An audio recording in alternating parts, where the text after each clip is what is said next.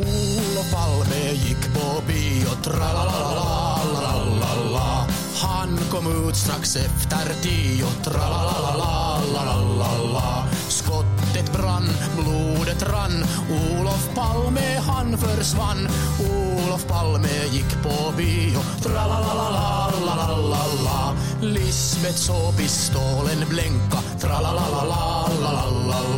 Strax därefter blev hon änka, tralalalala. Mördaren sprang, han försvann, Tunnelgatan bytte namn. Olof Palme gick på bio, tralalalala. Hans Holmér han börjar leta, tralalalala. Ebbe kände Anna-Greta, tralalalala. PKK 42, 33 och se på mig. Olof Palme gick på bio, tralalalala. Algot hög den mytomannen, tralalalala. Rätten knapte honom på kranen, tralalalala. Det var båg, ett han såg, Krister sitta på ett tåg. Olof Palme gick på bio, tralalalala. God förmiddag svenskar och välkomna till dagens Svegot denna 28 februari 2023. Vi har en liten annorlunda liksom, intro på dagens avsnitt eh, med anledning av datumet. Det är ju Olof Palmes eh, dödsdag. Så att eh, jag, Dan Eriksson, frågar dig allihop och dig Magnus Söderman, vem mördade Palme? Eller vilka, eller varför? Ja, jag, jag, jag, jag ska inte säga det för högt, men Nej. det kan ju vara att han är i rummet här. Man vet aldrig. Man vet aldrig. Nej, Jag vet inte, vem bryr sig? Jag har tröttnat på det där nu. Jag... Men, men vadå, det är inte löst än? Eller jo, du tror att det var eh, Stig Engström? Nej, nej, Skandiamannen. Nej, jag För att han hade kostymskor på sig. Nej, ja precis. Ja. Nej, jag tyckte inte att det var något över... Det, jag läste och tittade och det där Skandiamannen, men det var inte övertygade inte mig heller. Ingenting har övertygat mig hittills. Ja. Jag minns bara att, eh, att jag knappt minns vad jag gjorde när han dog heller. Jag, vet, jag var ganska liten då. Så Du som är så gammal Jalle, Ja. du minns detta? Ja, jag minns. eh, Men jag var rätt ung ändå. Det var liksom inte så att jag intresserade mig för Du Palme. det var ju strax innan du skulle fylla 30 va? Ja, nej, 40. Mm. Just det, hallå. Eh, nej, jag var, vad var jag? Bara... När, när hände det egentligen? 86. 86. Ja. Ja, så det var ju, Jag var nio. Det var ju din prime. ja, jag var 15. Vad gjorde du den natten? Var det på Tunnelgatan? Hade du en haltande stil? Jag var faktiskt eh, inte i Stockholm. Så jag var oskyldig. Men jag tänker så här att det, det är jättespännande tycker många, framförallt de som gillade Palme. Och det förstår jag. För, för, för dem så är det ju så intressant och så. För mig, jag har aldrig, alltså, någonstans så, så, jag tror på den högerextrema myten för att jag vill det. Alltså att det var högerextremister? Ja, högerextrema poliser tillsammans med lite annat som bara, äh, vad fan. Ja. Eh, och det är mest för att jag tycker det är en lite rolig historia. Eh, jag har inga varma känslor, alltså Palme var en förrädare.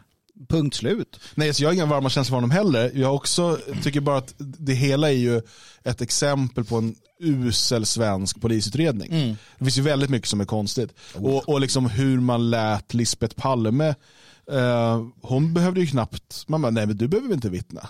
Alltså, jättemycket. och hon säger, ja, men jag kan berätta saker men det får aldrig skrivas ner någonstans. Nähä? vad, är det, vad är det liksom? Ja, nej, det är sant. Hela Vad hände med ju- offentlighetsprincipen här? Ja, hela gänget var väl, var som de var påtända, både Snuten och Lisbeth och, och Säpo och allihopa. Det är lite fascinerande. Ja. Tycker jag.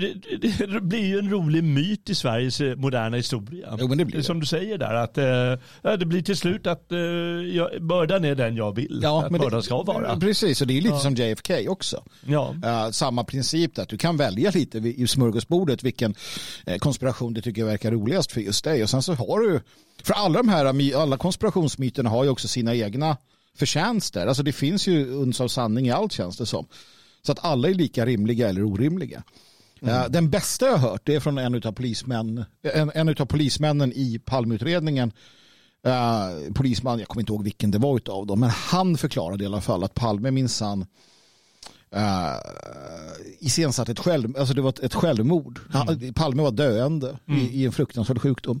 Ja. Minns inte vilken. Så han iscensatte hela saken tillsammans med det socialdemokratiska arbetarpartiet för att skapa en martyr och en hjältestatus och ett, ett, ett sätt för partiet att aldrig behöva liksom svara för någonting.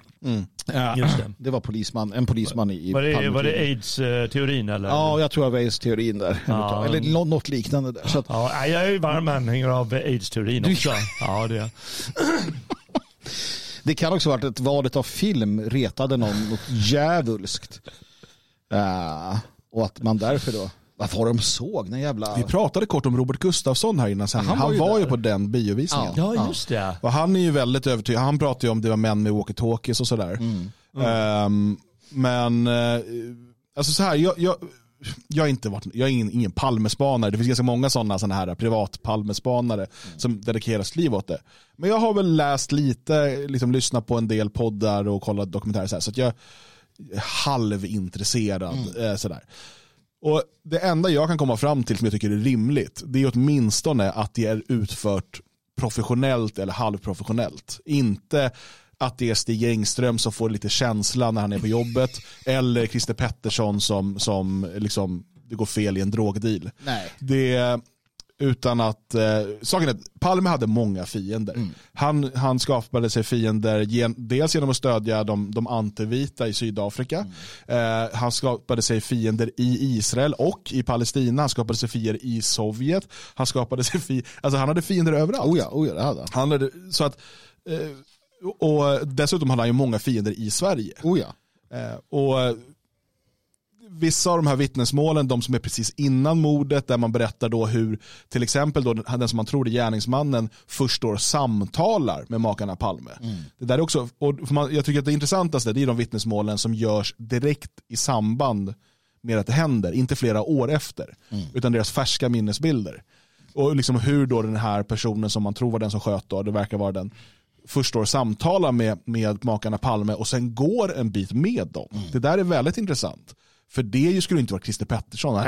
Tjena, Baileys.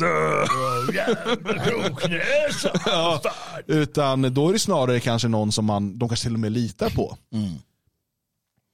Så här, så att, eh, men eh, jag, nu så har man ju lagt ner utredningen.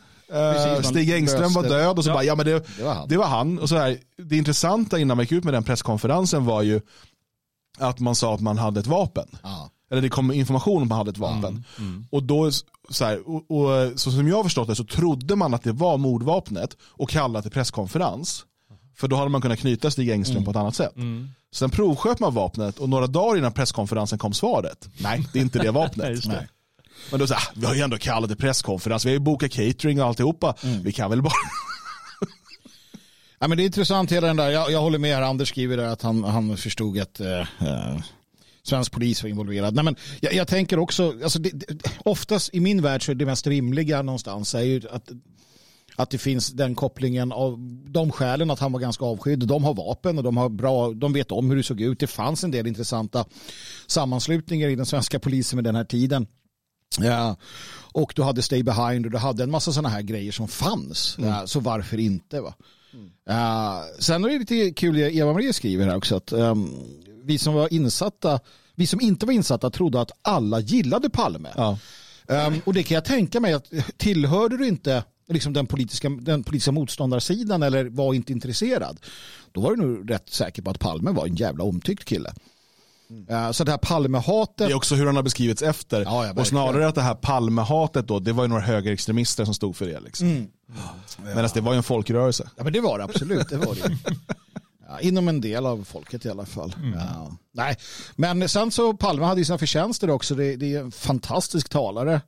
Även om han ibland var lite för elak. Han förlorade ju ett val på att han var för elak mot, mot eh, Fälldin i, i debatten. Men det tycker jag man ska göra. Vissthustalet, fantastiskt att, att titta på. Han är en riktigt duktig retoriker. Ja. det, det går inte Helt underbar. ifrån. Ja, så det kan jag rekommendera att titta på lite sådana där ehm, tal. Ja. Nej, Det, är väl, det är väl bara att inse att eh, han var klyftigare än de flesta av sina motståndare Oh ja, oh inom ja. politiken. Eh, och, eh, det är väl helt enkelt så att det kommer inte fram så vassa politiker. I Sverige, Sverige är ju helt kört nu för. Ja, ja. Det kommer ju aldrig fram några vassa politiker. De är ju dumma som tåget hela Mm. gänget verkar det som. Eh, Men han var ju verkligen han var smart och, och intelligent och talför. Mm. Och då, det, alltså det är som det var någon finländsk utrikesminister eller sånt som kunde så sex språk och, och tala obel, eh, Mm. utan problem med alla människor hit och dit. Eh, Vad, vad heter han nu igen? Jag kommer inte ihåg. Ja, eller om jag tänker på någon annan. Och, eh, men vilken svensk politiker är sån Ja, Palme. egentligen? Ja, Palme. Där har du det. det liksom. typ du måste den. gå tillbaka dit för Ja. att du ska hitta någon sån människa som Ja. är som både kan föra samtal med relativt vanliga människor eh, och eh, ja, Mm. ägna sig åt svensk politik på det sättet. Jag ska, eh, Thomas eh, förtydligar lite här det jag sa om, om vapnet. Mm. Han skriver så här, Dan eh, hade fel, undersökningen visade inte att det inte var rätt vapen utan att den inte gick att knyta helt och hållet. Ja, just det. Nej, ja. precis. Men man kunde inte bevisa att det var mordvapnet Nej. och därmed hade man ju inte den eh, det som då verkligen skulle kunna eh, binda Mm. Engqvist. Baseballligan var inte upplöst på den tiden. Eller jag, jag vet inte, baseballligan har kommit och gått i olika konstellationer. Eh, det fanns liknande baseballligor. Du svarar på en fråga härifrån Ja, just, just, eh, det. chatten. just det. Det Kan ju vara bra att de flesta lyssnar bara, ser inte. Ja. i, eh, så, så att det är bara att börja prata om baseballligan. Precis, helt, från ingenstans började jag prata om baseballligan. Um, I alla fall, ja nej. Nej. Hörni, eh, du pratade intelligent och vältalig. Som jag. För det oss över Jag på och Anders Palme. Lindberg då eller? Ja, absolut. Han är en av dem. Han är en duktig one-liner-kille. Oh, Han är bra på att trolla folk på Twitter. Ja, men det är han faktiskt. Alltså, han, han, han är ju en socialistisk agitator av rang. Eh, han vet vad han ska göra för att få folk att reagera. Därför ska man sällan reagera. Men ibland är det vettigt, som nu, är det dags att faktiskt reagera på vad han säger. För det är lite intressant. Ja. Han skriver då eh, under rubriken Kulturkriget är fascism men med andra medel. Lite skiljer mellan Mussolinis svartskjortor och SDs nätroll. Det här är förmodligen en redaktör skrivit. För jag läste artikeln och fattade först inte hur fick de ihop den där ingressen och rubriken. För det handlade ju mest om att han var glad över den här nya partiledaren för de italienska socialdemokraterna. Ja, han- han... Han, kommer ju in på det här lite grann. Men det är väldigt sådär eh, spetsig rubrik för en ganska rund artikel. Ja, det är det utan tvekan. Men får in fascism, nätroll, SD, eh, svartskjortor i samma, då måste man ju läsa. Det är ju bara så. Ja, vi föll för det. Ja, ja, direkt. Ja, är Så vill man ragga, ragga oss. För hade det stått så här, ehm, italienarna har valt ny ordförande för Socialdemokraterna, det hade aldrig nej, klickat. nej, Då hade vi aldrig fått reda på vem Eller Schlein. Nej, exakt. Nej, vi ska var prata om Eller Schlein, för att det är ju det, han är ju väldigt glad då över att eh. Partito Democratico har valt, alltså Socialdemokraterna i Italien har valt ny partiledare. Mm. Och hon är då den stora oppositionsledaren nu då för eh, i Italien Mm. mot Meloni. Och det är första gången det är två kvinnor som leder blocken och sådär. Mm. Det är ju härligt Oj, vad härligt. på sitt sätt. Eh, och eh, intressant tycker jag, det här visste inte jag, hur man väljer partiledare i Socialdemokraterna i Italien. Ja, det, vi ska börja med det i det fria Sverige, känner jag. Nej, det ska vi absolut inte göra. För först får då medlemmar välja någon typ av kandidater. Ja. Sen får alla som vill komma och rösta. Så jävla bra. Nej, du får betala två euro och säga att du är sosse. Ja, du måste säga att du tror att du delar värderingar och så betalar du två euro. Då Ja. får du vara med och rösta. Ja. Det, jag, jag vet inte vad jag ska säga om det här. Jag, jag förstår det inte. Uh, jag, Jag, ser- vet vad jag tror att det är. Jag tror att jag har jobbat med italienare. De är väldigt italienska. Ja, Och de här orkar inte hålla koll på röstlängder. nej. Så det är bara så här, kom hit så får du rösta liksom. Ja. Det, det, är lätt, det är ett lätt sätt att lösa det på. Och de vet också att folk eh, kanske inte bryr sig så mycket. Alltså. Nej. Det vore ju lätt för så här eh, Botkyrka Ja, man tycker det. att, att ta över italiensk politik. Ja.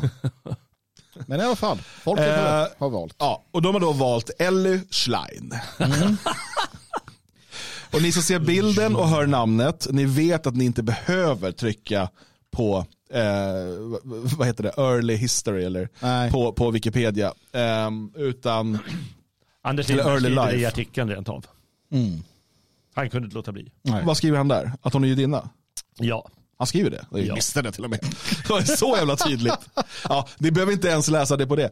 Men, men det som jag tycker, det är inte bara att hon är judinna som är intressant. För att det dyker ju upp lite här och var, judar och judinnor och sådär. Utan hela hennes historia, hennes person symboliserar eh, liksom den moderna rotlösa globalisten. Oh ja. Och, och det här älskar Anders Lindberg uppenbarligen. Då ska man då säga att hon är alltså då eh, uppenbarligen italiensk medborgare, men också schweizisk och amerikansk medborgare. Hon är född i Schweiz, uppvuxen i USA, skolad under Barack Obama. Eh, hennes eh, föräldrar är då eh, judar från eh, Schweiz, eller ja, gamla liksom Europa och eh, Ukraina. Eh, så att hon är en riktig sån här anywhere brukar man tala om. Just det. Och liksom, och, och, var är hennes rötter? Var är hennes lojalitet? Hon är bara, alltså, utan att ens ha läst en, ett, en politisk pamflett från henne. Hennes persona och att hon nu företräder Socialdemokraterna eh, i eh, Italien gör att jag vet att hon är liksom en rotlös globalist och det är, liksom, det är bara det hon tjänar. Vilket folk skulle hon vara lojal emot? Eh, skulle, det italienska folket, det eh, amerikanska eller schweiziska eller det judiska. Möjligtvis har hon lite lojalitet här och där, kanske allra mest liksom sin, om hon har en stark judisk identitet. Men framförallt så är hon en anywhere, alltså en rotlös globalist. Ja, och det här det är ju inte helt o- ovanligt. Eh, Alltså judarna är ju ett, det är ett folk, eh, en ras, en, en eh, grupp, en, eh, vad som du nu vill kalla det för, som uppstår i allt väsentligt i storstädernas, eh, liksom i, i storstäderna. Jag behöver inte säga slumområdena eller getton utan det är ett storstadsfolk ifrån, alltså som, som hittar sin identitet. Det är redan i Babylon och, och, och vandrar framåt. Och de, de trivs i städerna och har alltid varit stadsfolk. Och, och stadsfolk är ju annorlunda mot andra också rent generellt, inte, inte bara judar utan stadsfolk generellt eh, utvecklas över tid till en egen typ av människor. Det, jag brukar säga det, att, och jag tror att det är sant att i alla fall hos en stor del av de som bor i Stockholm eller eh, inte vet jag, andra världsstäder, New York eller Berlin eller vad som vill, ett visst ett strata där, de är väldigt lika varandra. Och det är de här globalisterna eller vad du vill kalla dem för, de har ju funnits länge. Och de har, inga, de har inga lojaliteter. Det är som gamla adeln till del också, som, som kunde vara som den europeiska adeln hade i många fall mer lojaliteter till, till eh, varandra så att säga, än till nationer eller kungar och sådär. Um, och när du får då en, en sån här partiledare som sedermera ska då kanske ta över styret av nationen i framtiden, ja då vet vi ju att de är lojala till, till den här eh, delen av, eh, alltså den globalistiska delen. Precis som vi haft tidigare med de här, eh, vad kallar man det för när det är experter som styr? Det har vi haft i, i Italien flera gånger nu. När de inte kommer överens. Alltså inte meritokrati utan eh, autokrati, nej. Ah, jag vet. De har satt någon gammal bankchef och så här, Ja, han som får sköta det så Ja. länge. Liksom. Och det är egentligen det mest ärliga du kan göra. För då är det ju verkligen så att, att den här globalistiska eliten sätter ut sina, liksom, över protektoratet Italien, protektoratet Sverige, protektoratet och så vidare. Det där är ju det som kommer i framtiden när det blir mer formaliserat. Men tills dess så duger ju den här alldeles utomordentligt bra. Mm. Det, det känns ju nästan som om, när, när du säger allt det här, som att hon är, är framdragen av personer. Och nu knuffar vi fram henne så att hon blir då motståndare till Meloni. Det tycker de passar eh, och eh, de får ihop det liksom ideologiskt och, och lite så här eh, vad ska vi kalla det för, den sortens identitetspolitik som hon företräder med sin lesbiskhet och sin... Är hon lesbisk också? Hon är lesbisk också. Ja, jag, jag hoppar över sådana här ord. Jag har börjat, jag har börjat liksom blockera dem, jag bara läser inte det. Ja, nej det står ju Lesbisk allting. Liksom judin, allting. hon Hon, är le, allt. hon lever med en kvinna står det. Ah, okay, ja. Ja, det är, det Hon är bisexuell, står det Hon är faktiskt. bisexuell. Du har fortfarande en chans, Jell. Ja. Hon är inte Oh. transsexuell då? Inte vad vi vet, men det kan nog komma. Teknokrati var det ordet sökte. Tack, tack chatten, Respected Taco, Altsve och Uppsala som eh, berättade att det heter teknokrati. Ja, just det. Tack så mycket. Jag trodde det var när det var raveklubbar överallt. Ja, nej, men, nej men som sagt, hon, hon, hon passar ju mallen. Hon klickar ju alla rutor. Det här är ju Ja, det här är den nya statskvinnan. Liksom den, det här är, ja men det är verkligen de som sitter som, jag kommer inte ihåg vad det heter heller, men just när du, som sagt, protektoratet, de har sin liksom, vad det nu blir, vad det nu kallas. Alltså det är det som, som vi går mot och som sagt, hon passar in där. Frågan är bara hur bra hon kommer stå sig mot Meloni då. Ja, jag kan- Jag, jag har ju inte hört den eller något sånt men eh, jag, vet inte, jag tycker hon, är fång, hon fångar den, den där Meloni när hon håller sina tal Ja. och, och eh, sina utläggningar och med, med liksom både den här italienska eh, affetti här Ja. eh, och eh, någon sorts värme faktiskt. Jo, men sen Men sen, man jag ska på... bara säga det, för du nämnde adeln förut. Hon Ja. kommer ju ur en politisk och akademisk adel. Eh, nu jag säga, hennes syster är ju då alltså diplomat. Eh, hennes pappa, jag ska se nu så jag inte ljuger då, hennes pappa Melvin Schlein, han, är, han är statsvetare, akademiker. Hennes eh, mamma Maria Paolo Viviani, där är väl det italienska då. Mm. Eh, hon är professor i, eh, i, juridik. Eh, och hennes morfar är, var då Agostino Viviani som var politiker för det italienska socialistpartiet. Eh, och, och sådär. Så att det är en politisk och akademisk familj hon kommer ur. Och liksom, ja, syrran är diplomat, hon är nu partiledare för Socialdemokraterna. Hon är ganska långt ifrån eh, folket på, på liksom, eh, den, den toskanska landsbygden. Ja, men jag undrar det också. När kommer den här, eller kommer den här revolten bland vänstern? För att, jag menar, som sagt, Lindberg han tillhör ju liksom äh, tyckareliten inom, inom socialdemokratin eller liksom inom den här, fri, den här fri, mer frihetliga socialismen eller vad fan de nu kallar sig, obunden socialdemokratiska. Ja, Ja, ja, ja. Och, och den här och sen har vi liksom Maggan i Sverige då som är också en sån här liksom globalistlakej.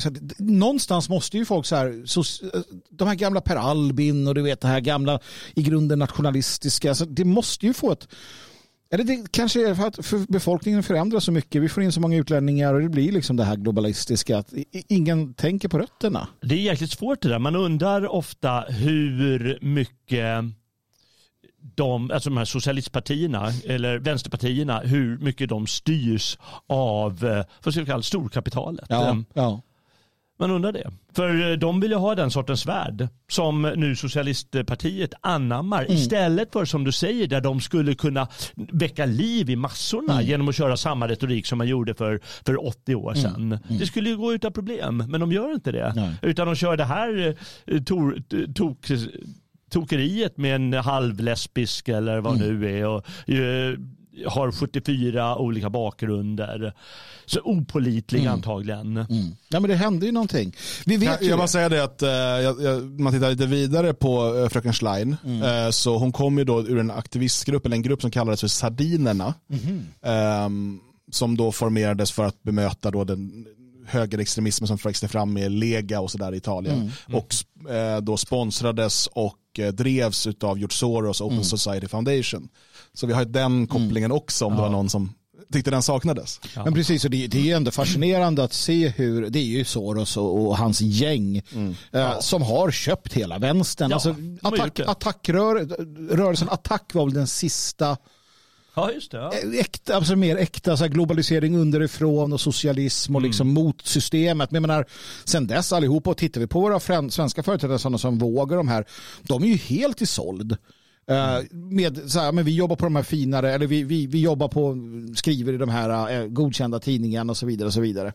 Och så har de inbillat sig att de fortsätter sin revolutionära kamp fast i maktens korridorer. Sanningen är ju den att det är ju kapitalet då, i form av George Soros och VF och liknande nu som, som, som liksom har snott dem, eh, fått Ja. dem att bli deras nyttoidioter. Det, det kan också vara en naturlig eh, liksom, process. Och det är ju nämligen så att eh, menar, dagens arbetarklass de har ju onekligen gått över till en sån nationell sida. Oh ja. Mm. Ja, och, och, över hela Europa. Och eh, då måste ju den andra sidan av politiken anpassa sig. Oj, vi kan inte göra det vi också. Alltså Mm. gör vi motsatsen fast vi tar fortfarande någon sorts vänsterfrågor där med solidaritet, låtsas solidaritet Mm. givetvis och står för alla de här så kallade identitetspolitiska markörer. Mm. Så, jag tänker så där, där kan det ju vara det att vänstern förstod ju, Frankfurtskolan förstod alltså att, att vita arbetare kommer inte göra revolution som man gjorde på andra ställen. Därför var det den långa vägen genom institutionerna som gällde. Eh, kan det vara så att den här moderna vänstern inser också till sist att nej, alltså eh, väst, västerlänningarna är för intelligenta, för frihetsälskande, för vårt budskap så att vi satsar på det de ser som dumma invandrare. För de är ju, de är ju rasister hela högen. Och att där har de chansen att sitta som intellektuella herrar på täppan och berätta för de färgade massorna vad som gäller och få dem på bidrag och så.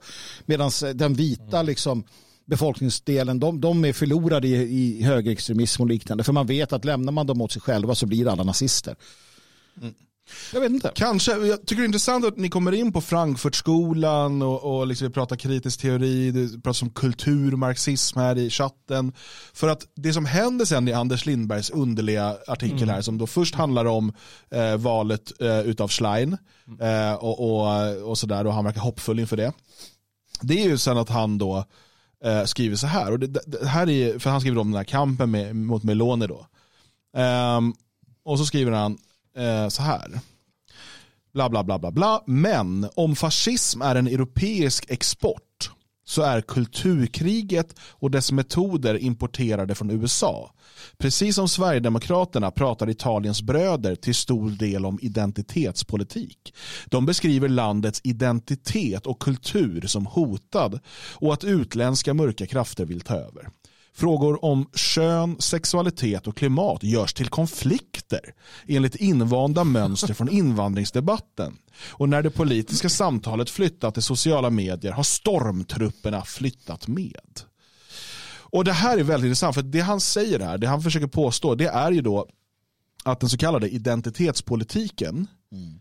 är, är, är ett högerpåhitt, ett, ett högerextremt påhitt från USA. Mm. Att det är högern, alltså alla som inte är sossar i hans värld, mm. som då har gjort kön, sexualitet och så vidare till en stridsfråga. Mm.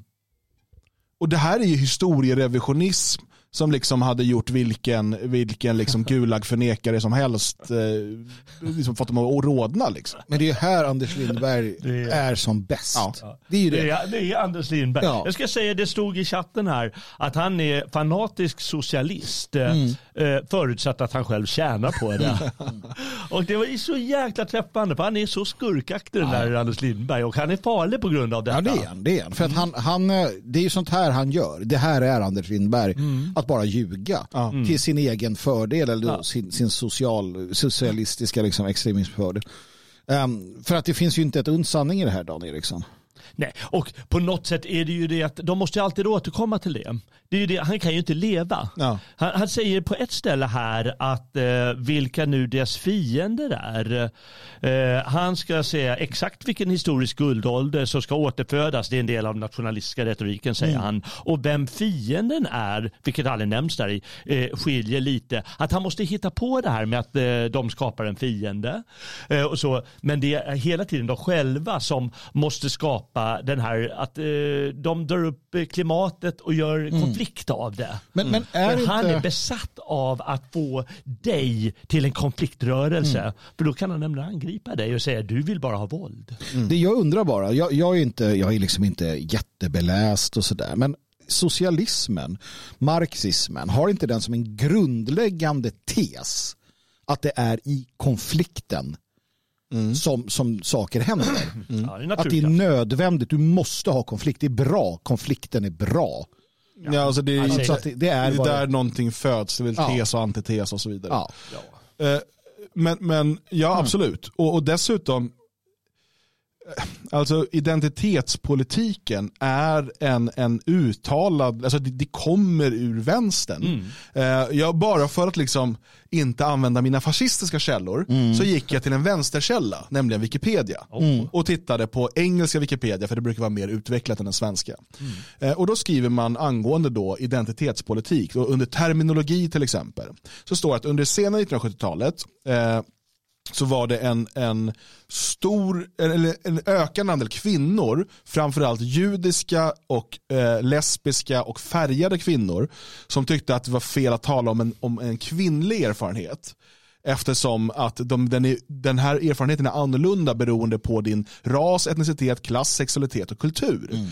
Och eh, då är det eh, något som kallas för Combahee River Collective som 1977 eh, då liksom använder det här, lanserar det här begreppet identitetspolitik. Mm. Eh, och det här är då, man använder det här sen i olika former inom feministisk, medborgarrättsrörelsen och hbtq-rörelser. Mm. Um, och uh, dessutom så om history, om alltså historien om det här ordet eh, och begreppet så är det alltså att den här eh, Combahee River Collective är alltså en svart feministisk socialistisk grupp. Just. Eh, alltså det är bara att läsa och sen så använder man det här också då för sexuella minoriteter mm. och så mm. vidare. Och nu sitter då Anders Lindberg här och hävdar mm. att det skulle vara då högerextremister som genom identitetspolitiken har gjort sexualitet till en politisk stridsfråga. Mm. Förstå, och det, som du säger, det här är som bäst och som gör mig mest frustrerad. För att han sitter och är så oerhört oärlig och det finns mm. inga problem i världen med det. Det är, inte, det är inte någon på redaktionen som tar honom i örat och säger du kan inte ljuga Anders. Nej. Det, här är ju, det här är ju grava lögner du håller på med. Historieförfalskning. Nej tvärtom, här har du en löneförhöjning. Mm. Ja, ja, precis. Ja. Jag tror ju att eh... Jag tror att han är en sån här både och människa, Anders Lindberg. Att han, eh, titta på honom, hur gammal är han egentligen? Jag vet inte. Han ser ut som en tonåring. Ja. Och texten påminner om en tonårings sätt att resonera. Att, eh, de vill komma fram och vill flasha vissa saker och då får de sin poäng. Och, och eh, han är antagligen sån som, men han fattar inte att han ljuger. Utan han bara skriver om, men det här är ju fräckt liksom. Mm. Och så drar han fram det. Men de står för identitetspolitik och därmed är de jättetaskiga. Och då kan jag smeta på dem på det här Men jag tror att det finns en sanning i det där. Att, att det är något så här att när han upptäcker att något är dåligt, då är det fascismens fel. Ja, och, och, då bara skriver han det. Alltså, det är intressant med det här kollektivet och det. Det, det är samma period där. Um, som uh, vi vet då att uh, amerikanska, framförallt marxister och liknande, de börjar byta byta fot och stå på. De blir ju liberaler hela gänget mm. och går in i de partierna och sådär. Det är därför vi ser den här förändringen också. Det är och, värt att komma precis, ihåg. och går över, blir neokons kommer ju här också strax ja. därefter. Eh, alltså det är ju, det är ju gamla eh, trotskister precis, framförallt. som blir då eh, neokons och krigshökar ja. och så vidare. Mm. Mm. Och det är där du får det här skiftet som sedermera nu har slagit ut i att de där hamnar, alltså det, den idé grunden är det som blir wokeismen och det som sen går vidare in att varför sitter de här på Mastercards styrelserum? Hur fan hamnar de där? Mm. Jo men det är en process som har tagit tid men det är där de har hamnat sist och det är därför vi har den här galenskapen med de stora liksom, bankerna och liknande som då har anammat den här vänsteridén. Liksom. Och där har vi den där sammanblandningen antagligen. Uh, nej men det är som sagt Lindberg där. Mm. Uh, intressant och, och det, det, är också därför det är så här, det är ingen idé. Alltså jag ser folk som tjafsar emot och så här. Det är värt att, och, och, det är värt att plocka isär det han skriver och prata om det. Men det är inte värt att gå i clinch med Kahn för att han är antingen helt förljugen. Ja, ja. Eller galen. Eller galen, eller liksom lite av varje. Ja. Nej, alltså, det finns ingen mening att prata med honom. Man kan prata om honom inför andra ja, och berätta, precis. kolla vad det här är för någonting. Ja. Men att prata med honom, det, det är ju det är som att liksom försöka jag vet inte, liksom, få ordning på Beckomberga. Liksom. Alltså, det blir så dumt också för att det finns ju, det finns ju alltså uh, klart och tydligt uh, skrivet från om det är Komintern eller om det är från högsta Sovjet eller vilka det är som säger varje gång du möter någon som inte håller med oss, kalla han fascist. Mm. Så, alltså det var, det, det, var och är ett propagandistiskt redskap från Sovjettiden. Mm. Kalla alla motståndare för fascister eller nazister. Bara gör det. Mm. det. det. finns svart på vitt, var så man skulle arbeta. Det är så man arbetar än idag. Därför är det meningslöst. Han kommer kalla alla fascister som inte håller med honom. Mm. Ja, det, det, är eh, deras grej. Samtidigt, samtidigt tycker jag att eh, låt dem göra det. Låt dem anamma den här retoriken. Inte bara kalla dem fascister och så vidare. Utan låt dem eh, gå över till den här eh, riktiga identitetspolitiken mm. och hans anhängare och den här italienska eh, socialistjudinnan eh, eh där. Låt dem göra det för det kommer ju bli losersidan. Mm. Det vet ju alla. För jag menar, vanliga människor de reagerar nu sakta men säkert, ja men det är vidrigt det där. Vad är det för skit egentligen? Helt ointressant. Vad har det med mig att göra? Vad har det med någon i världen att göra? Några transor hit och dit och, och några som eh, globalister hit och dit och ska leka mondän och det ena och andra. De vill inte ha med det att göra. Nej vare sig medelklassen eller arbetarklassen som finns i Sverige eh, och i resten av Europa för den delen också. De är inte intresserade. Det här är losersidan. Mm. Låt Anders Lindberg eh, köra den retoriken och köra sig själv i graven. Det, det, är kul också, han måste bara nämna det, det var du som tog upp det tidigare idag, eh, Dan. Vi kan få in det här, den här förmågan de har att byta fot. Va? Mm. Um, mm. Greta Thunberg. Ja, just det. Ja, men det är typiskt. Hon är emot vindkraft. Ja, nu är hon ute och demonstrerar mot vindkraftverk. Ja. för att de ska bygga där samen är. Ja, Precis. och där så här, ja, man såg ju det, där så här, alla ni, jag vet Ja, inte men för då, det, hon hamnar i den här intersektionella Ja. problematiken. Ja. Vilka, vad är mest värt? Vad, är det klimatet Mm. genom att bygga massa vindkraftverk som ska räddas? Eller är det då samerna, den stackars förtryckta samerna? Precis. Och det visade sig, alla de som trodde att Greta Thunberg då var, det kanske hon var när hon var liten, en tjej som var rädd för framtiden för att hon såg att det var bilar som, som bolmade ut rök. Hon har i alla fall blivit en, en, liksom en um, galjonsfigur. För en, hon blev kapad, hon blev ett fenomen, hon blev skapad utav, vi vet ungefär vilka, till att idag vara bara en, en liksom Ja, en, en galjonsfigur för detta. Och då hamnar de i de här absurda eh, sammanhangen. Och det där, det är därför de blir losersidan. För det enda de klarar av att göra det är att förstöra Mm. för oss andra. Och på tal om samerna och renskötseln, tror ni den är bra för miljön uppe i, i Norrland? Men det är klart den inte är. Det är väl alldeles uppenbart. Så det är bara ren vad ska jag säga, målet är att förstöra, inte bara för dig, Mm. utan förstöra för folk i allmänhet. Det är det enda de klarar och det är, säger jag återigen, losersidan. Mm. Nej, men så är det. Ja, och det är också, eh, det var någon som nämnde det tidigare här med att det då skulle vara importerat från USA. Det, det kan man ju säga att identitetspolitiken är. Alltså den växer ju fram på amerikanska universitet, den här idén, eh, precis som mycket av annat idag. Men för det första knappast från höger, men sen var det någon som sa det i chatten också. Ja, vi jagade ut den ur Europa. Mm. På 20 och 30-talet, alltså. Frankfurtskolan, Ja, ja. som då, den här kritiska teorin och så som, som sen, eh, det är ju inte så att, att, att liksom Adorno och så vidare, att de formulerade identitetspolitiken. Men deras kritiska teori, det är det man bygger vidare på sen när man hamnar i den här intersektionalismen och så vidare. Alltså, det är alltid som ett lapptäcke av saker, som, i- speciellt inom liksom filosofi och sådär, som gör att de bygger vidare på varandra. Men de här människorna var ju inte välkomna att vara kvar i Europa. Nej. Och åkte då till USA och fortsatte sitt destruktiva arbete där. Mm. Och det tar sig sen form i liksom hela 68-vågen och på 70-talet då så kommer identitetspolitiken och det. Och så sitter Anders Lindberg 2023 och så här, ja, det är högerextremister i USA som har liksom, Ja. Nej, men det, och det där är fascinerande för att eh, när de här då försvinner från Europa så, så kommer det ju då ja, det kommer ju larmrapporter från, eh, från amerikanska då, eh, arkeologer, professorer, forskare och så vidare. Jag tror att Madison Grant till exempel som skriver The Rising Tide of Color konstaterar att det har hänt något på universiteten. Det, bör, det är en så subversiv rörelse som har dragit igång amerikanska universitet på f- 30, 40, 50-talet. Förändrar allt. Mm. Så att USA går från att, att vara en kulturnation med väldigt många så här intelligenta och bra människor. Vi har ju sådana som Beverly P. Oliver och så vidare som kommer ur det här. Men det här 50-talet, sen börjar det fullständigt förändras. Och då, då är det de här som har påbörjat sin långa vandring och ja, om, omformar USA fullständigt och det har ju slagit i full blom nu. Så att, ja, och sen kommer de tillbaka då med, med den här För identiteten. jag, jag har sett till exempel att Mattias Våg, eh, han brukar kritisera, några, några gånger har jag sett honom kritisera att eh, högen är så eh, fixerade vid Frankfurtskolan. Han säger att de är inte ens viktiga längre. Men då är det som att han, han, han, jag vet inte om han gör sig dum. För det är självklart så att det inte är eh, liksom Frankfurtskolan som man kanske framförallt lutar sig på idag. Men den har ju lagt ett fundament som sen har byggts vidare på. Oh ja. Så det är fortfarande viktigt. Bara det att det är klart att det har kommit andra filosofer och, och, och akademiker sen som har utvecklat det här. Och ja, det finns en kritik inom vänstern om att ehm, den kritiska teorin om Frankfurtskolan är för akademisk, för bortkopplad från materiell verklighet. Och de pratar, liksom, de pratar ju metafysik och eh, myter. Ja. Och liksom, eh, så att, men, men att den har ju haft en stor påverkan på eh, den, det som idag kallas för västerländsk marxism. Ehm, och, så att, man, man behöver inte göra sig dum heller. Alltså det, nej, det är inte så att alla eh, liksom, intersektionella feminister sitter och studerar Frankfurtskolan. Nej, ingen Men det, nej, förmodligen inte.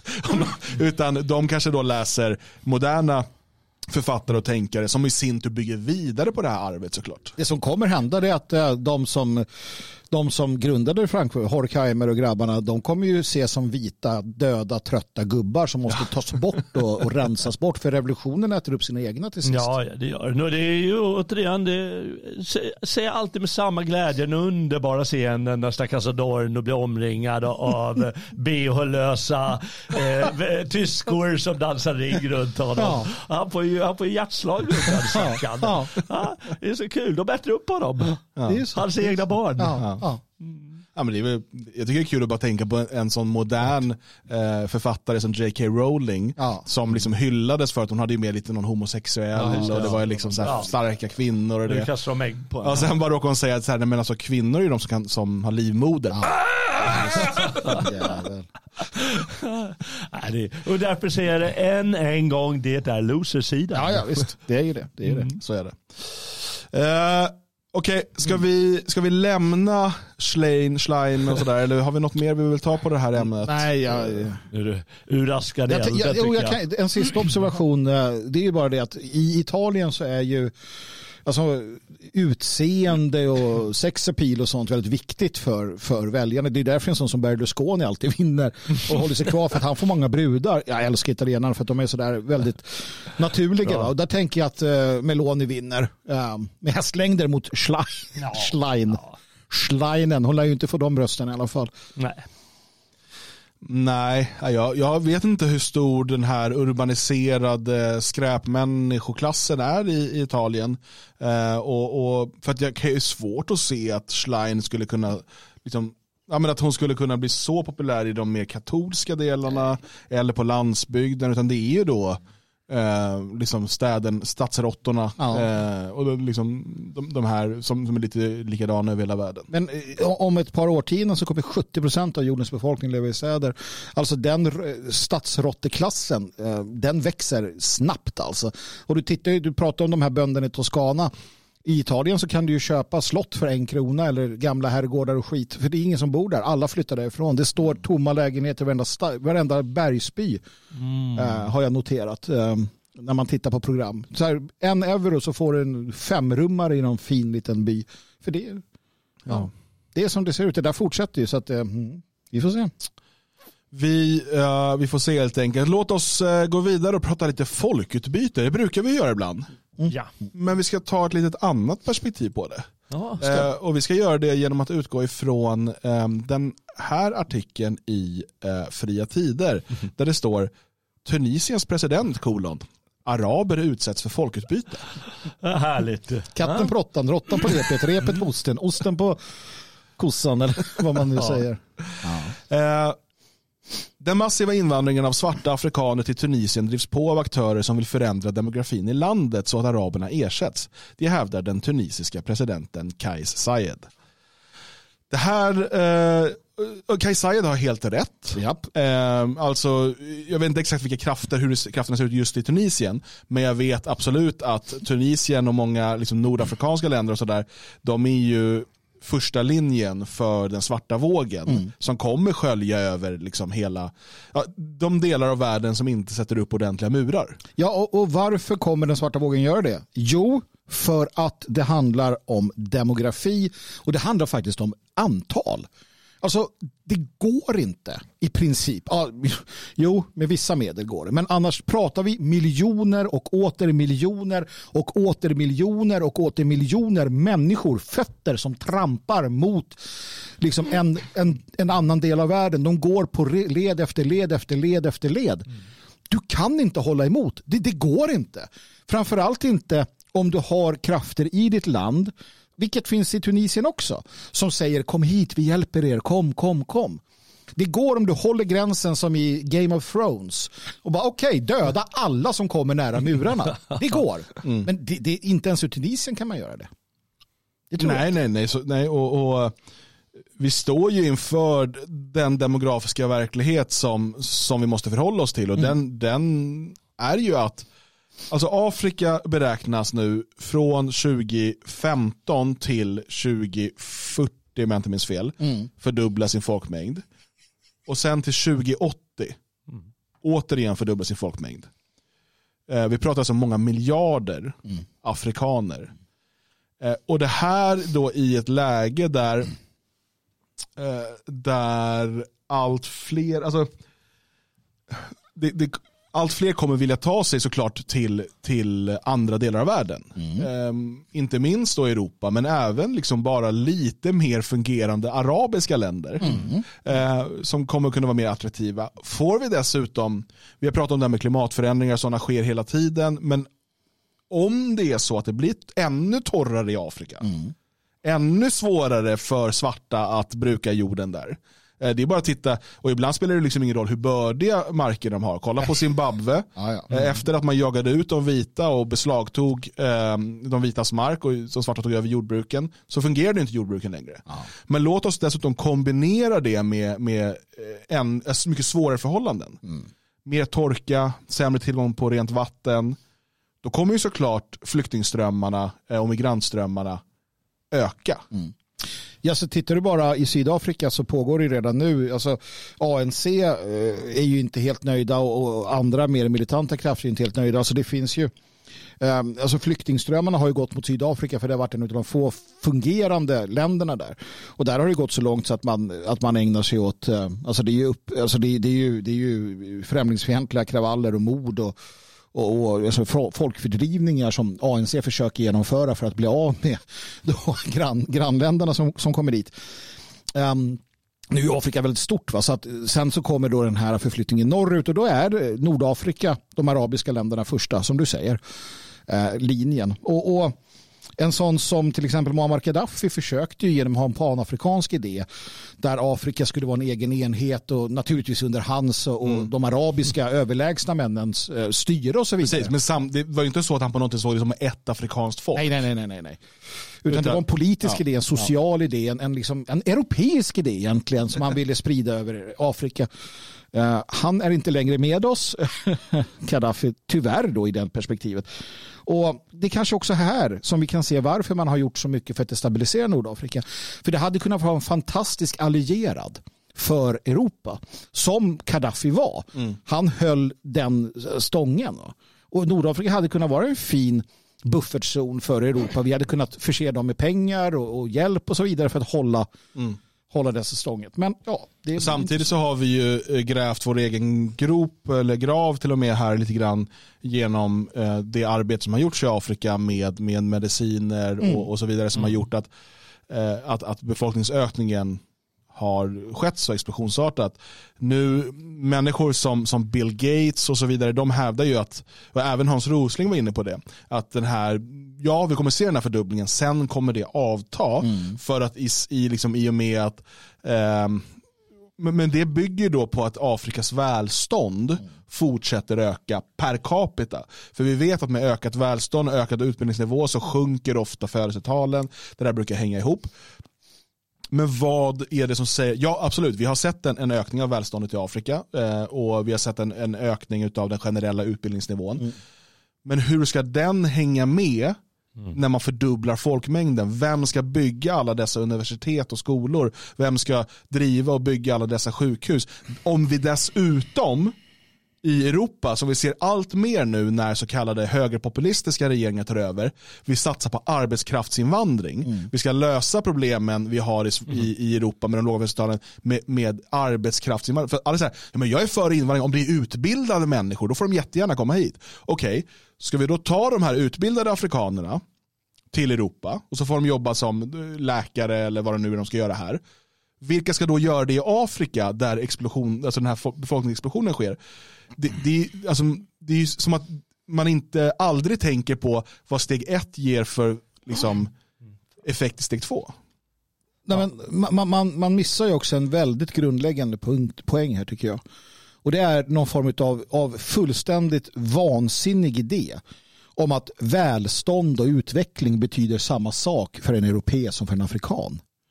Varför skulle europeiska universitet och skolgång och infrastruktur och så vara lösningen för Afrika?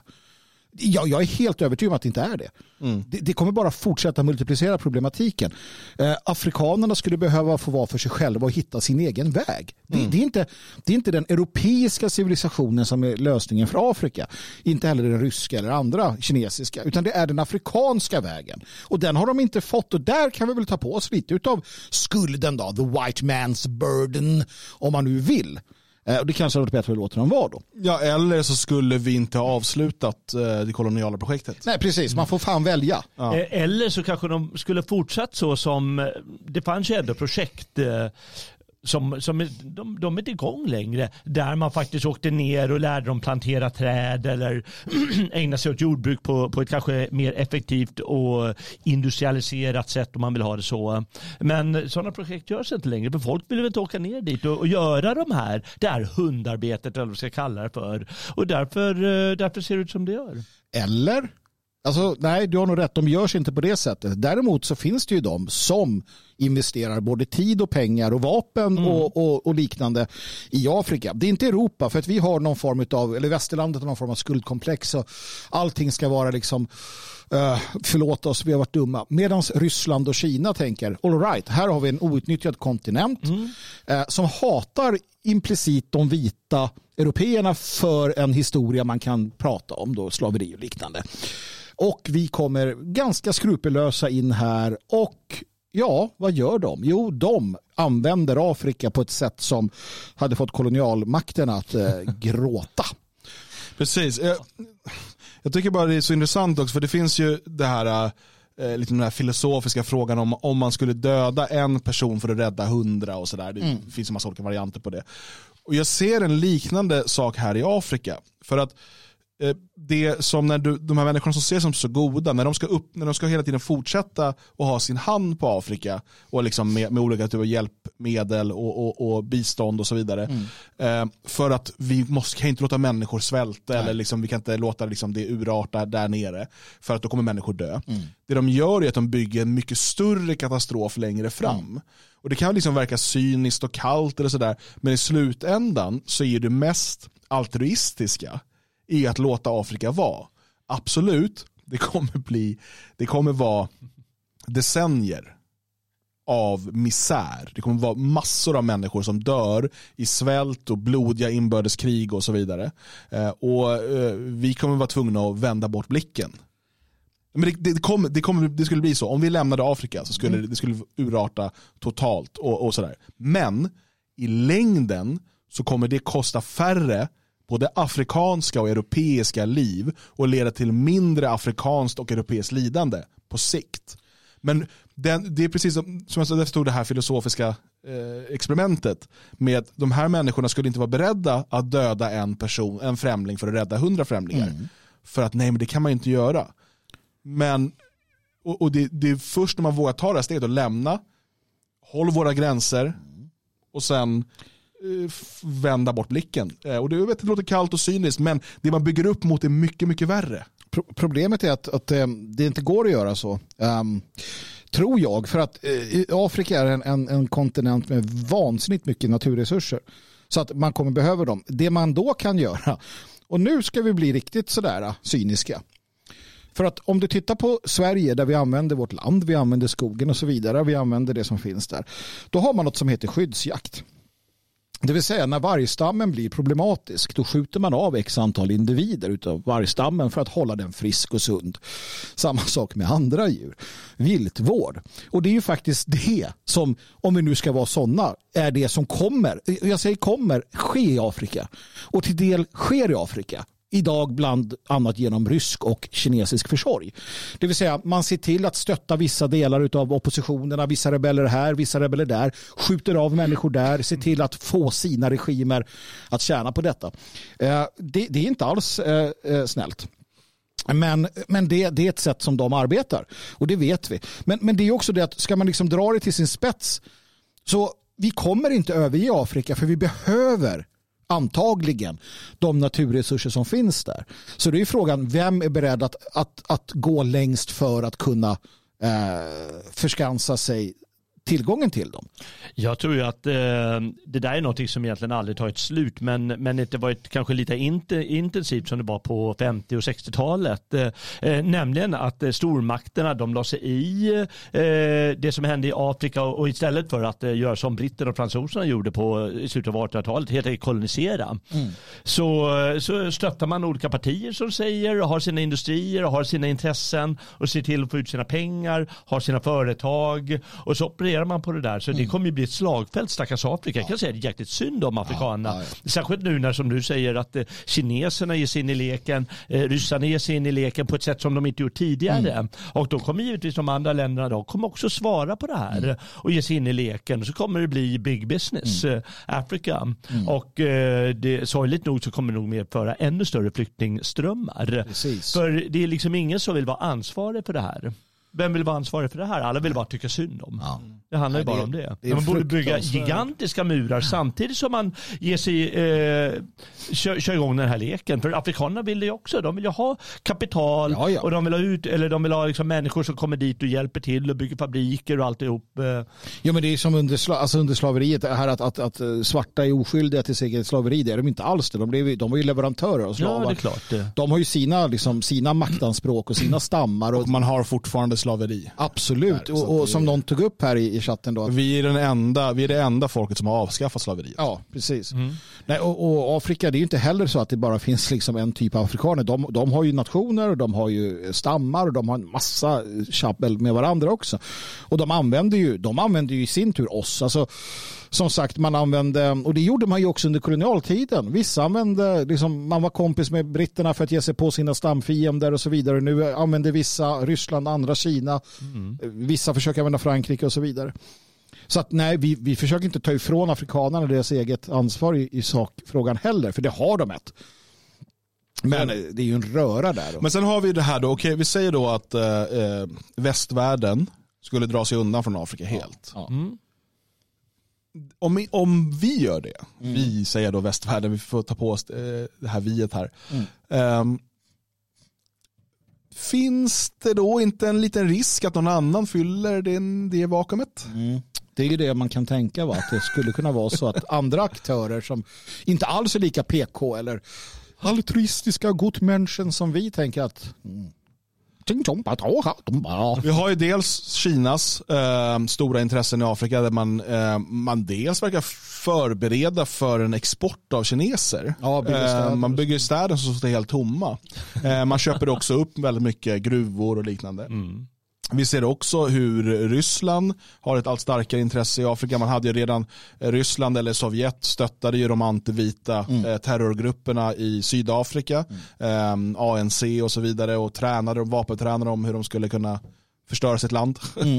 eh, och det finns därför finns det en stark relation idag mellan Ryssland och Sydafrika fortfarande. Ja, ja, de eh, fortsätter. och eh, vi vet eh, att eh, Wagnergruppen är aktiv med legosoldater i, i Afrika. Mm. Man deltar i Uh, man, man, påverkar val, man skjuter politiker ja, ja, uh, och dessutom då kontrollerar i stort sett vissa, vissa länder där. Mm. Så du har ju både, både kinesiskt och ryskt och säkert fler då intressen som redan är väldigt verksamma och starka i Afrika. Mm. Så att ja, vi säger då att, att så kallade väst skulle dra sig undan. Uh, om inte det, om, för det här, alla de här, den här och det blir återigen nästan på ett filosofiskt plan det här med att vi skulle bara låta alla vara i fred. Mm det bygger ju på någon, någon världsvid uppvakning. Alltså att man säger, oh, nu kommer vi alla överens om det här. Och när har det hänt? Vi kan inte ens komma överens om, jag vet inte vad. Ja, men det, är, det är ju lika dumt som, som det florerade en jättefin tanke en gång i tiden i den nationella oppositionen. Uh, det var han McDo nej, McCullough som hade ja. ett... ett uh, jag är i grunden fortfarande etnopluralist. Ja, det precis. Det här mig. etnopluralistiska ja. fina som Dan Eriksson. Att alla raser och folk sätter sig ner och kommer överens om att vi ska vara kompisar. Men, han, men McCullough är filosof filosof, han är ja, inte politiker. Precis, och jag tycker det är eftersträvansvärt ur en filosofisk synvinkel. Mm. Absolut, det är det schysstaste sättet. Problemet blir ju när en av de aktörerna sitter där och bara ja men det är lugnt, vi gör så, vi kommer överens om det. Och sen kommer han hem och så bara skicka ubåtar och trupper och skit och bara ta över. Och alla bara wow, vad händer nu då? Och det är lite grann det som händer med jämna mellanrum i, i vår värld. Liksom. Um, så att, att uh, det är en fin idé men, men uh, man måste också ha, mm, ja. Ja, eh, jag, jag tror inte man... Eh, det kommer inte hända heller. Eh, Av den anledning som det, det står i någon av de här artiklarna vi läste, nämligen att Macron uttalar sig om det här med Wagnergruppen och intressen, ryska Mm. intressen i, eh, i Afrika och så vidare. Frankrike har jättestora intressen i Afrika. Oh ja, oh ja. Jag menar, de, de, deras land är knutet Ja. till flera afrikanska länder. Och säkert likadant i Storbritannien som inte går att lösa upp. Det är liksom band som sitter kvar sedan 100 år tillbaka, 150 år tillbaka i tiden. Men- och, eh, och de, det finns ju alltså både ekonomiska intressen och då de här ja, liksom banden med staterna. Mm. Det är svårt. Men hur ska du då göra det? För att om vi nu säger nu att, att du å ena sidan har du Putin och du har han eh, i Kina, du har Wagnergruppen och du har kinesiska staten som går in på sitt sätt. Sen har du Macron som säger att vi ska bygga ett nytt samarbete med de afrikanska länderna som är ömsesidigt, balanserat och ansvarsfullt. och sen har du då Prigozjin och grabbarna som kommer in och säger att, att eh, de, här, eh, de här vita västerlänningarna, de förslavade er de eh, suger ut er och vi kommer hit och eh, liksom ger er eh, det ni behöver. Eller Kina. Saken är att det, det är ju bara olika eh, stormakter och så vidare som har, de har olika strategi för hur de, Ja. det handlar i slutändan om att gynna sig själva, Ja, få, ja. lägga beslag, kontrollera områden och naturresurser. Vi vet att Afrika är fyllt med massor av viktiga och värdefulla naturresurser som man, man helst inte vill gå miste om. Plus att du har jätteviktiga hamnar och så vidare för världshandeln. Så att eh, vad Macron säger och vad Ja, ja, katten visst. skiter lägger jag i liksom i samma låda. Ja. Nej, menar, han ljuger ju givetvis. Han ljuger som en hund. Annars ligger de Ja, illa ja, men till. vad, vad är målet? Varför säger han det här? Jo, det är för att måla ut ryssen som en skurk. Ja, ja, det är ju det som är målet med det här uttalandet. Och han ska vara den liksom goda snubben med ömsesidighet och sådär. Ja, jag, jag, tycker att, jag tror också att man förlorar på det i längden. Man kommer bara gynna den andra parten som kommer köra ra, mer raka rör och eh, antagligen vinna på det i längden. Det vi måste göra är ju att förstå att det här lämnar öppet för otroligt eh, underliga eh, sängkamrater. Eh, det, det vill säga Tunisien där. Eh, eh, Nordafrika, politiska ledare som ser ett problem. Afrikanska ledare, afrikanska folk som bara, vad fan händer i mitt land? Alltså eh, antiglobalister i alla länder förenar er. Det finns någonting i det här. Och jag, jag är inte naiv och tror att vi kommer få liksom någon form av eh, komintern på, på vår sida mot liksom världsglobalismen. Men däremot förstår de här sakerna att, att man i delar av Afrika ser ju ett jätteproblem med, med flyktingarna. Man vill inte att det egna folket flyr. I Sverige när, när människor flydde, flytta, flyttade, flyttade eller vad du vill till Amerika så var det ju många som sa men vi måste stoppa det här. Samma sak är det ju i Afrika.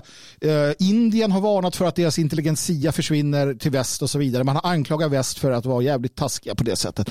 Här gäller det att vi som, som svenska nationalister, europeiska nationalister kan manövrera för att hitta bra som vi har försökt med i Syrien till exempel. Det är väl det bästa alternativet. Kanske tidigare gjorde vi försök i, i just eh, ja, innan Gaddafi blev mördad eh, och så vidare.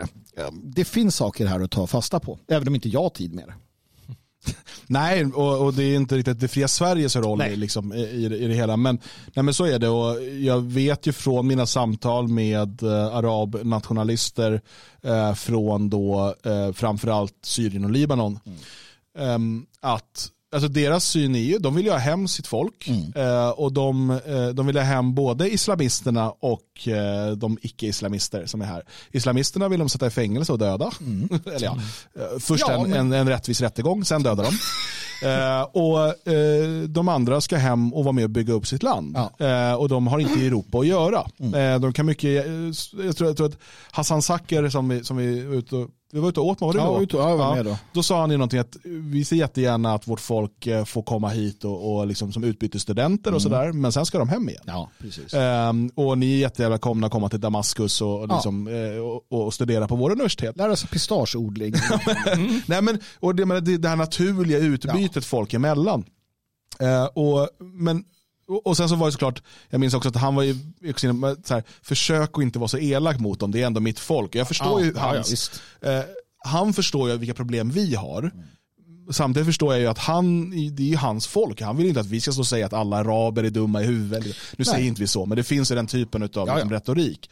Utan eh, låt oss istället eh, arbeta för ett samarbete så att de här människorna kan komma hem igen. Ja. Ehm, och, eh, så att, det finns ju och har funnits liksom försök till att bygga de här relationerna. Ehm, men det är ju, jag menar vi som nationalister då i Sverige eller Tyskland, vi har ingen makt att genomföra det där. Nej. På de som, hos de som har makten finns ju inget intresse för detta. Ehm, utan istället har man ju då ehm, från väst till exempel då stöttat eh, islamister och andra, Mm. som, alltså terrorister i Syrien eh, för att få bort Bashar al-Assad till Mm. exempel som då samarbetar med arabnationalisterna. Där har ju då Ryssland gett sig in framför allt för att försvara sina egna geopolitiska intressen och sina ekonomiska intressen så att man inte kan bygga gasledningen genom Syrien eh, och, på så sätt eh, gå runt eh, Rysslands då tidigare väldigt viktiga liv, liksom, ekonomiska livlina in i Europa. Och därför är det inte konstigt heller att syriska och arabiska nationalister idag är proryska. Nej. För att det var ryssarna som kom till deras undsättning när väst finansierade islamister eh, som, som, som bombade dem. Och, så att man har, vi har också ett riktigt jäkla clusterfuck i den här regionen som är svår, det är svårt att liksom du vet, det är som överkokt spagetti, det går Ja, liksom ja, inte visst. bara att liksom dra isär. Det är, det är jättekomplicerat. Ja. Men eh, om vi ska, någon gång i framtiden ska kunna ha eh, liksom en, en, ett svenskt Sverige, ett europeiskt Europa, ehm, så jag så tror jag att det är avgörande att vi odlar relationer med andra folk som på, alltså, någonstans delar den här antiglobalistiska idén med oss. Sen kommer vi inte vara överens om allt och ibland kommer våra intressen stå i strid med varandra. Men vad är alternativet då? Nej men precis och det är därför jag då eh, fortsatt eh, ropar efter en ambassad i Kabul för det fria Sverige med våra eh, kabulanska eh, taliban, då, talibanska vänner. Ja, Talibanbröderna. precis, talibanbröderna där. Ja. Ja, nej men visst är det så och, och, och det blir ju också det, det vi ser är ju att de eh, eh, förment nationalistiska eller då eh, populistiska partierna i väst har ju nu på grund av ett krig som pågår ehm, eh, hamnat i en situation där de, vare sig de vill det eller inte, inte kan göra annat i principen att sluta upp i den här eh, tvådelningen, det här nya kalla kriget. För att hur skulle det se ut om Fidesz eller eh, AFD eller SD ringde Assad och började prata om hur ska vi få tillbaka era killar? För han är ju, han är ju ryssvän och det kan du ju inte. Så här är ett problem, vilket kommer betyda då att vi som då strävar efter en antiglobalistisk eh, idé vi är ju, alltså, så, det, det handlar inte om att man är för Ryssland, man är inte för Kina, man är inte för väst. Utan man är för de små folken. Problemet är att många av de små folken Nu är du etnopluralist. Ja, precis. De hamnar ju på den ryska sidan och så blir det en jävla clusterfuck som du sa av allting. Va? Ja, men alltså, det är ju också eh, min, eh, min eh, förkärlek till de små folken som gör att jag motsätter mig den ryska imperialismen. Absolut. Eh, alltså de här, ehm, om du kollar de baltiska staterna och så vidare, och det som de har tvingats genomleva, inte bara under Sovjet utan tidigare också, om man har legat under rysk ockupation. Och det, under min tid när, jag, när jag hade mycket kontakt med ryska eh, nationalister eller patrioter de kallar sig, den retorik man fick höra därifrån om liksom hur eh, liksom, balter är inget riktigt folk och vet, Finland ska tillhöra, Ja, de eh, ska åt tillhöra. Ryssland, det är en del av, Ja. ja. men du vet, det där, och det fanns hela tiden. Ja. Och det gick liksom inte att prata med de här människorna om det. Utan, och, och det är därför när man ser den retoriken också i Ukraina, Mm. så blir det så här, men alltså jag är för varje folks frihet, det är inte min strid att ta varje gång.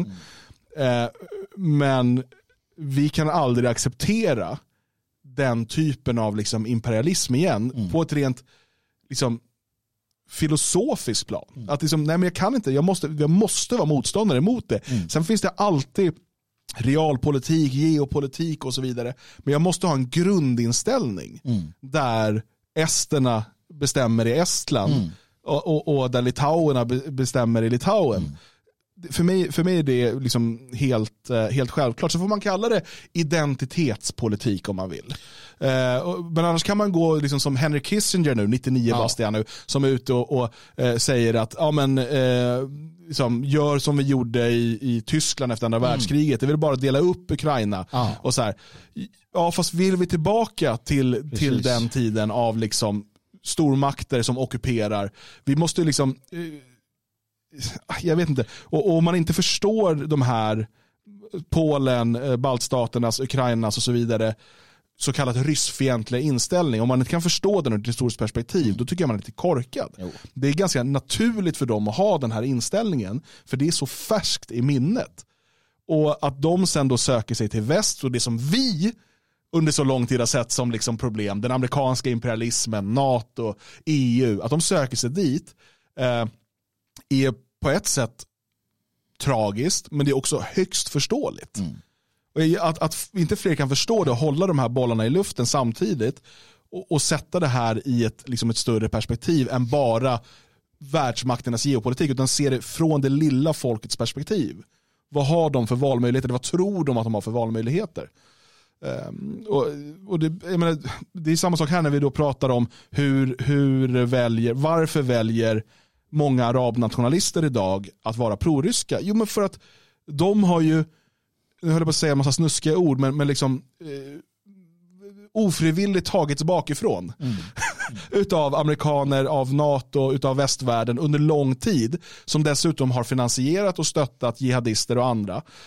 Eh, Medan Ryssland, såklart för, av sina intressen, har då stöttat olika arabnationalistiska alternativ. Då är det ganska självklart att de idag vänder sig till Ryssland och är för Ryssland och stöttar dem på olika sätt. Precis som att det är lika självklart att ukrainare och balter vänder sig västerut. Jo. Nej, men så är det. Och eh, för att knyta ihop den här säcken eh, från min sida så vill jag bara citera Olof Palme. Varje folks befrielse måste vara deras egen. Ja, de skulle inte skjutit honom, han hade löst det här. Ja, om vi bara skickat honom till Afrika. Hörrni, eh, stort tack för att ni var med oss och tittade och lyssnade idag. Det här är ju ett eh, öppet avsnitt eh, så att ni är jättemånga som kommer ta del av det här som inte är stödprenumeranter än. Och det är ju lite tråkigt att ni inte är det. Det är det. Så ni Dumt borde gå in på svegot.se support, teckna stödprenumeration, då får ni tillgång till alla våra avsnitt. Det är fem avsnitt från Dagens Svegot i veckan. Och sen på helgerna brukar det komma ut ett Magnus Härd eller ett eh, på gamla och nya stigar. Och sen på torsdagar brukar det komma Passningen som är vår sportpodd. Ehm, och du får tillgång till allt det här som stödprenumerant. Och du gör de här dagliga sändningarna möjliga. Det är, det är mycket värt. Det är mycket Ehm, värt. Har du bestämt för vad det blir för avsnitt i helgen på gamla och nya stigar? Ja, det beror på mig och eventuellt andra. beror på mig? Ja. Det ja. beror på honom. Det beror på vilken sida jag vaknar av eh, någon morgon här. Jag har några förslag. Det är lite, det är lite Vasaskepp och det är lite Gustav Vasa och det är lite allt möjligt. Just det. Vi får se vad det blir. Men något ska det bli. Det ser vi fram emot. Ja, Kanske får vi veta här längre fram i veckan vad det är. Jag tror det. Ja. Fråga mig imorgon. Eller på torsdag. Nu tackar vi för oss eh, för idag och eh, önskar er en eh, fortsatt härlig tisdag.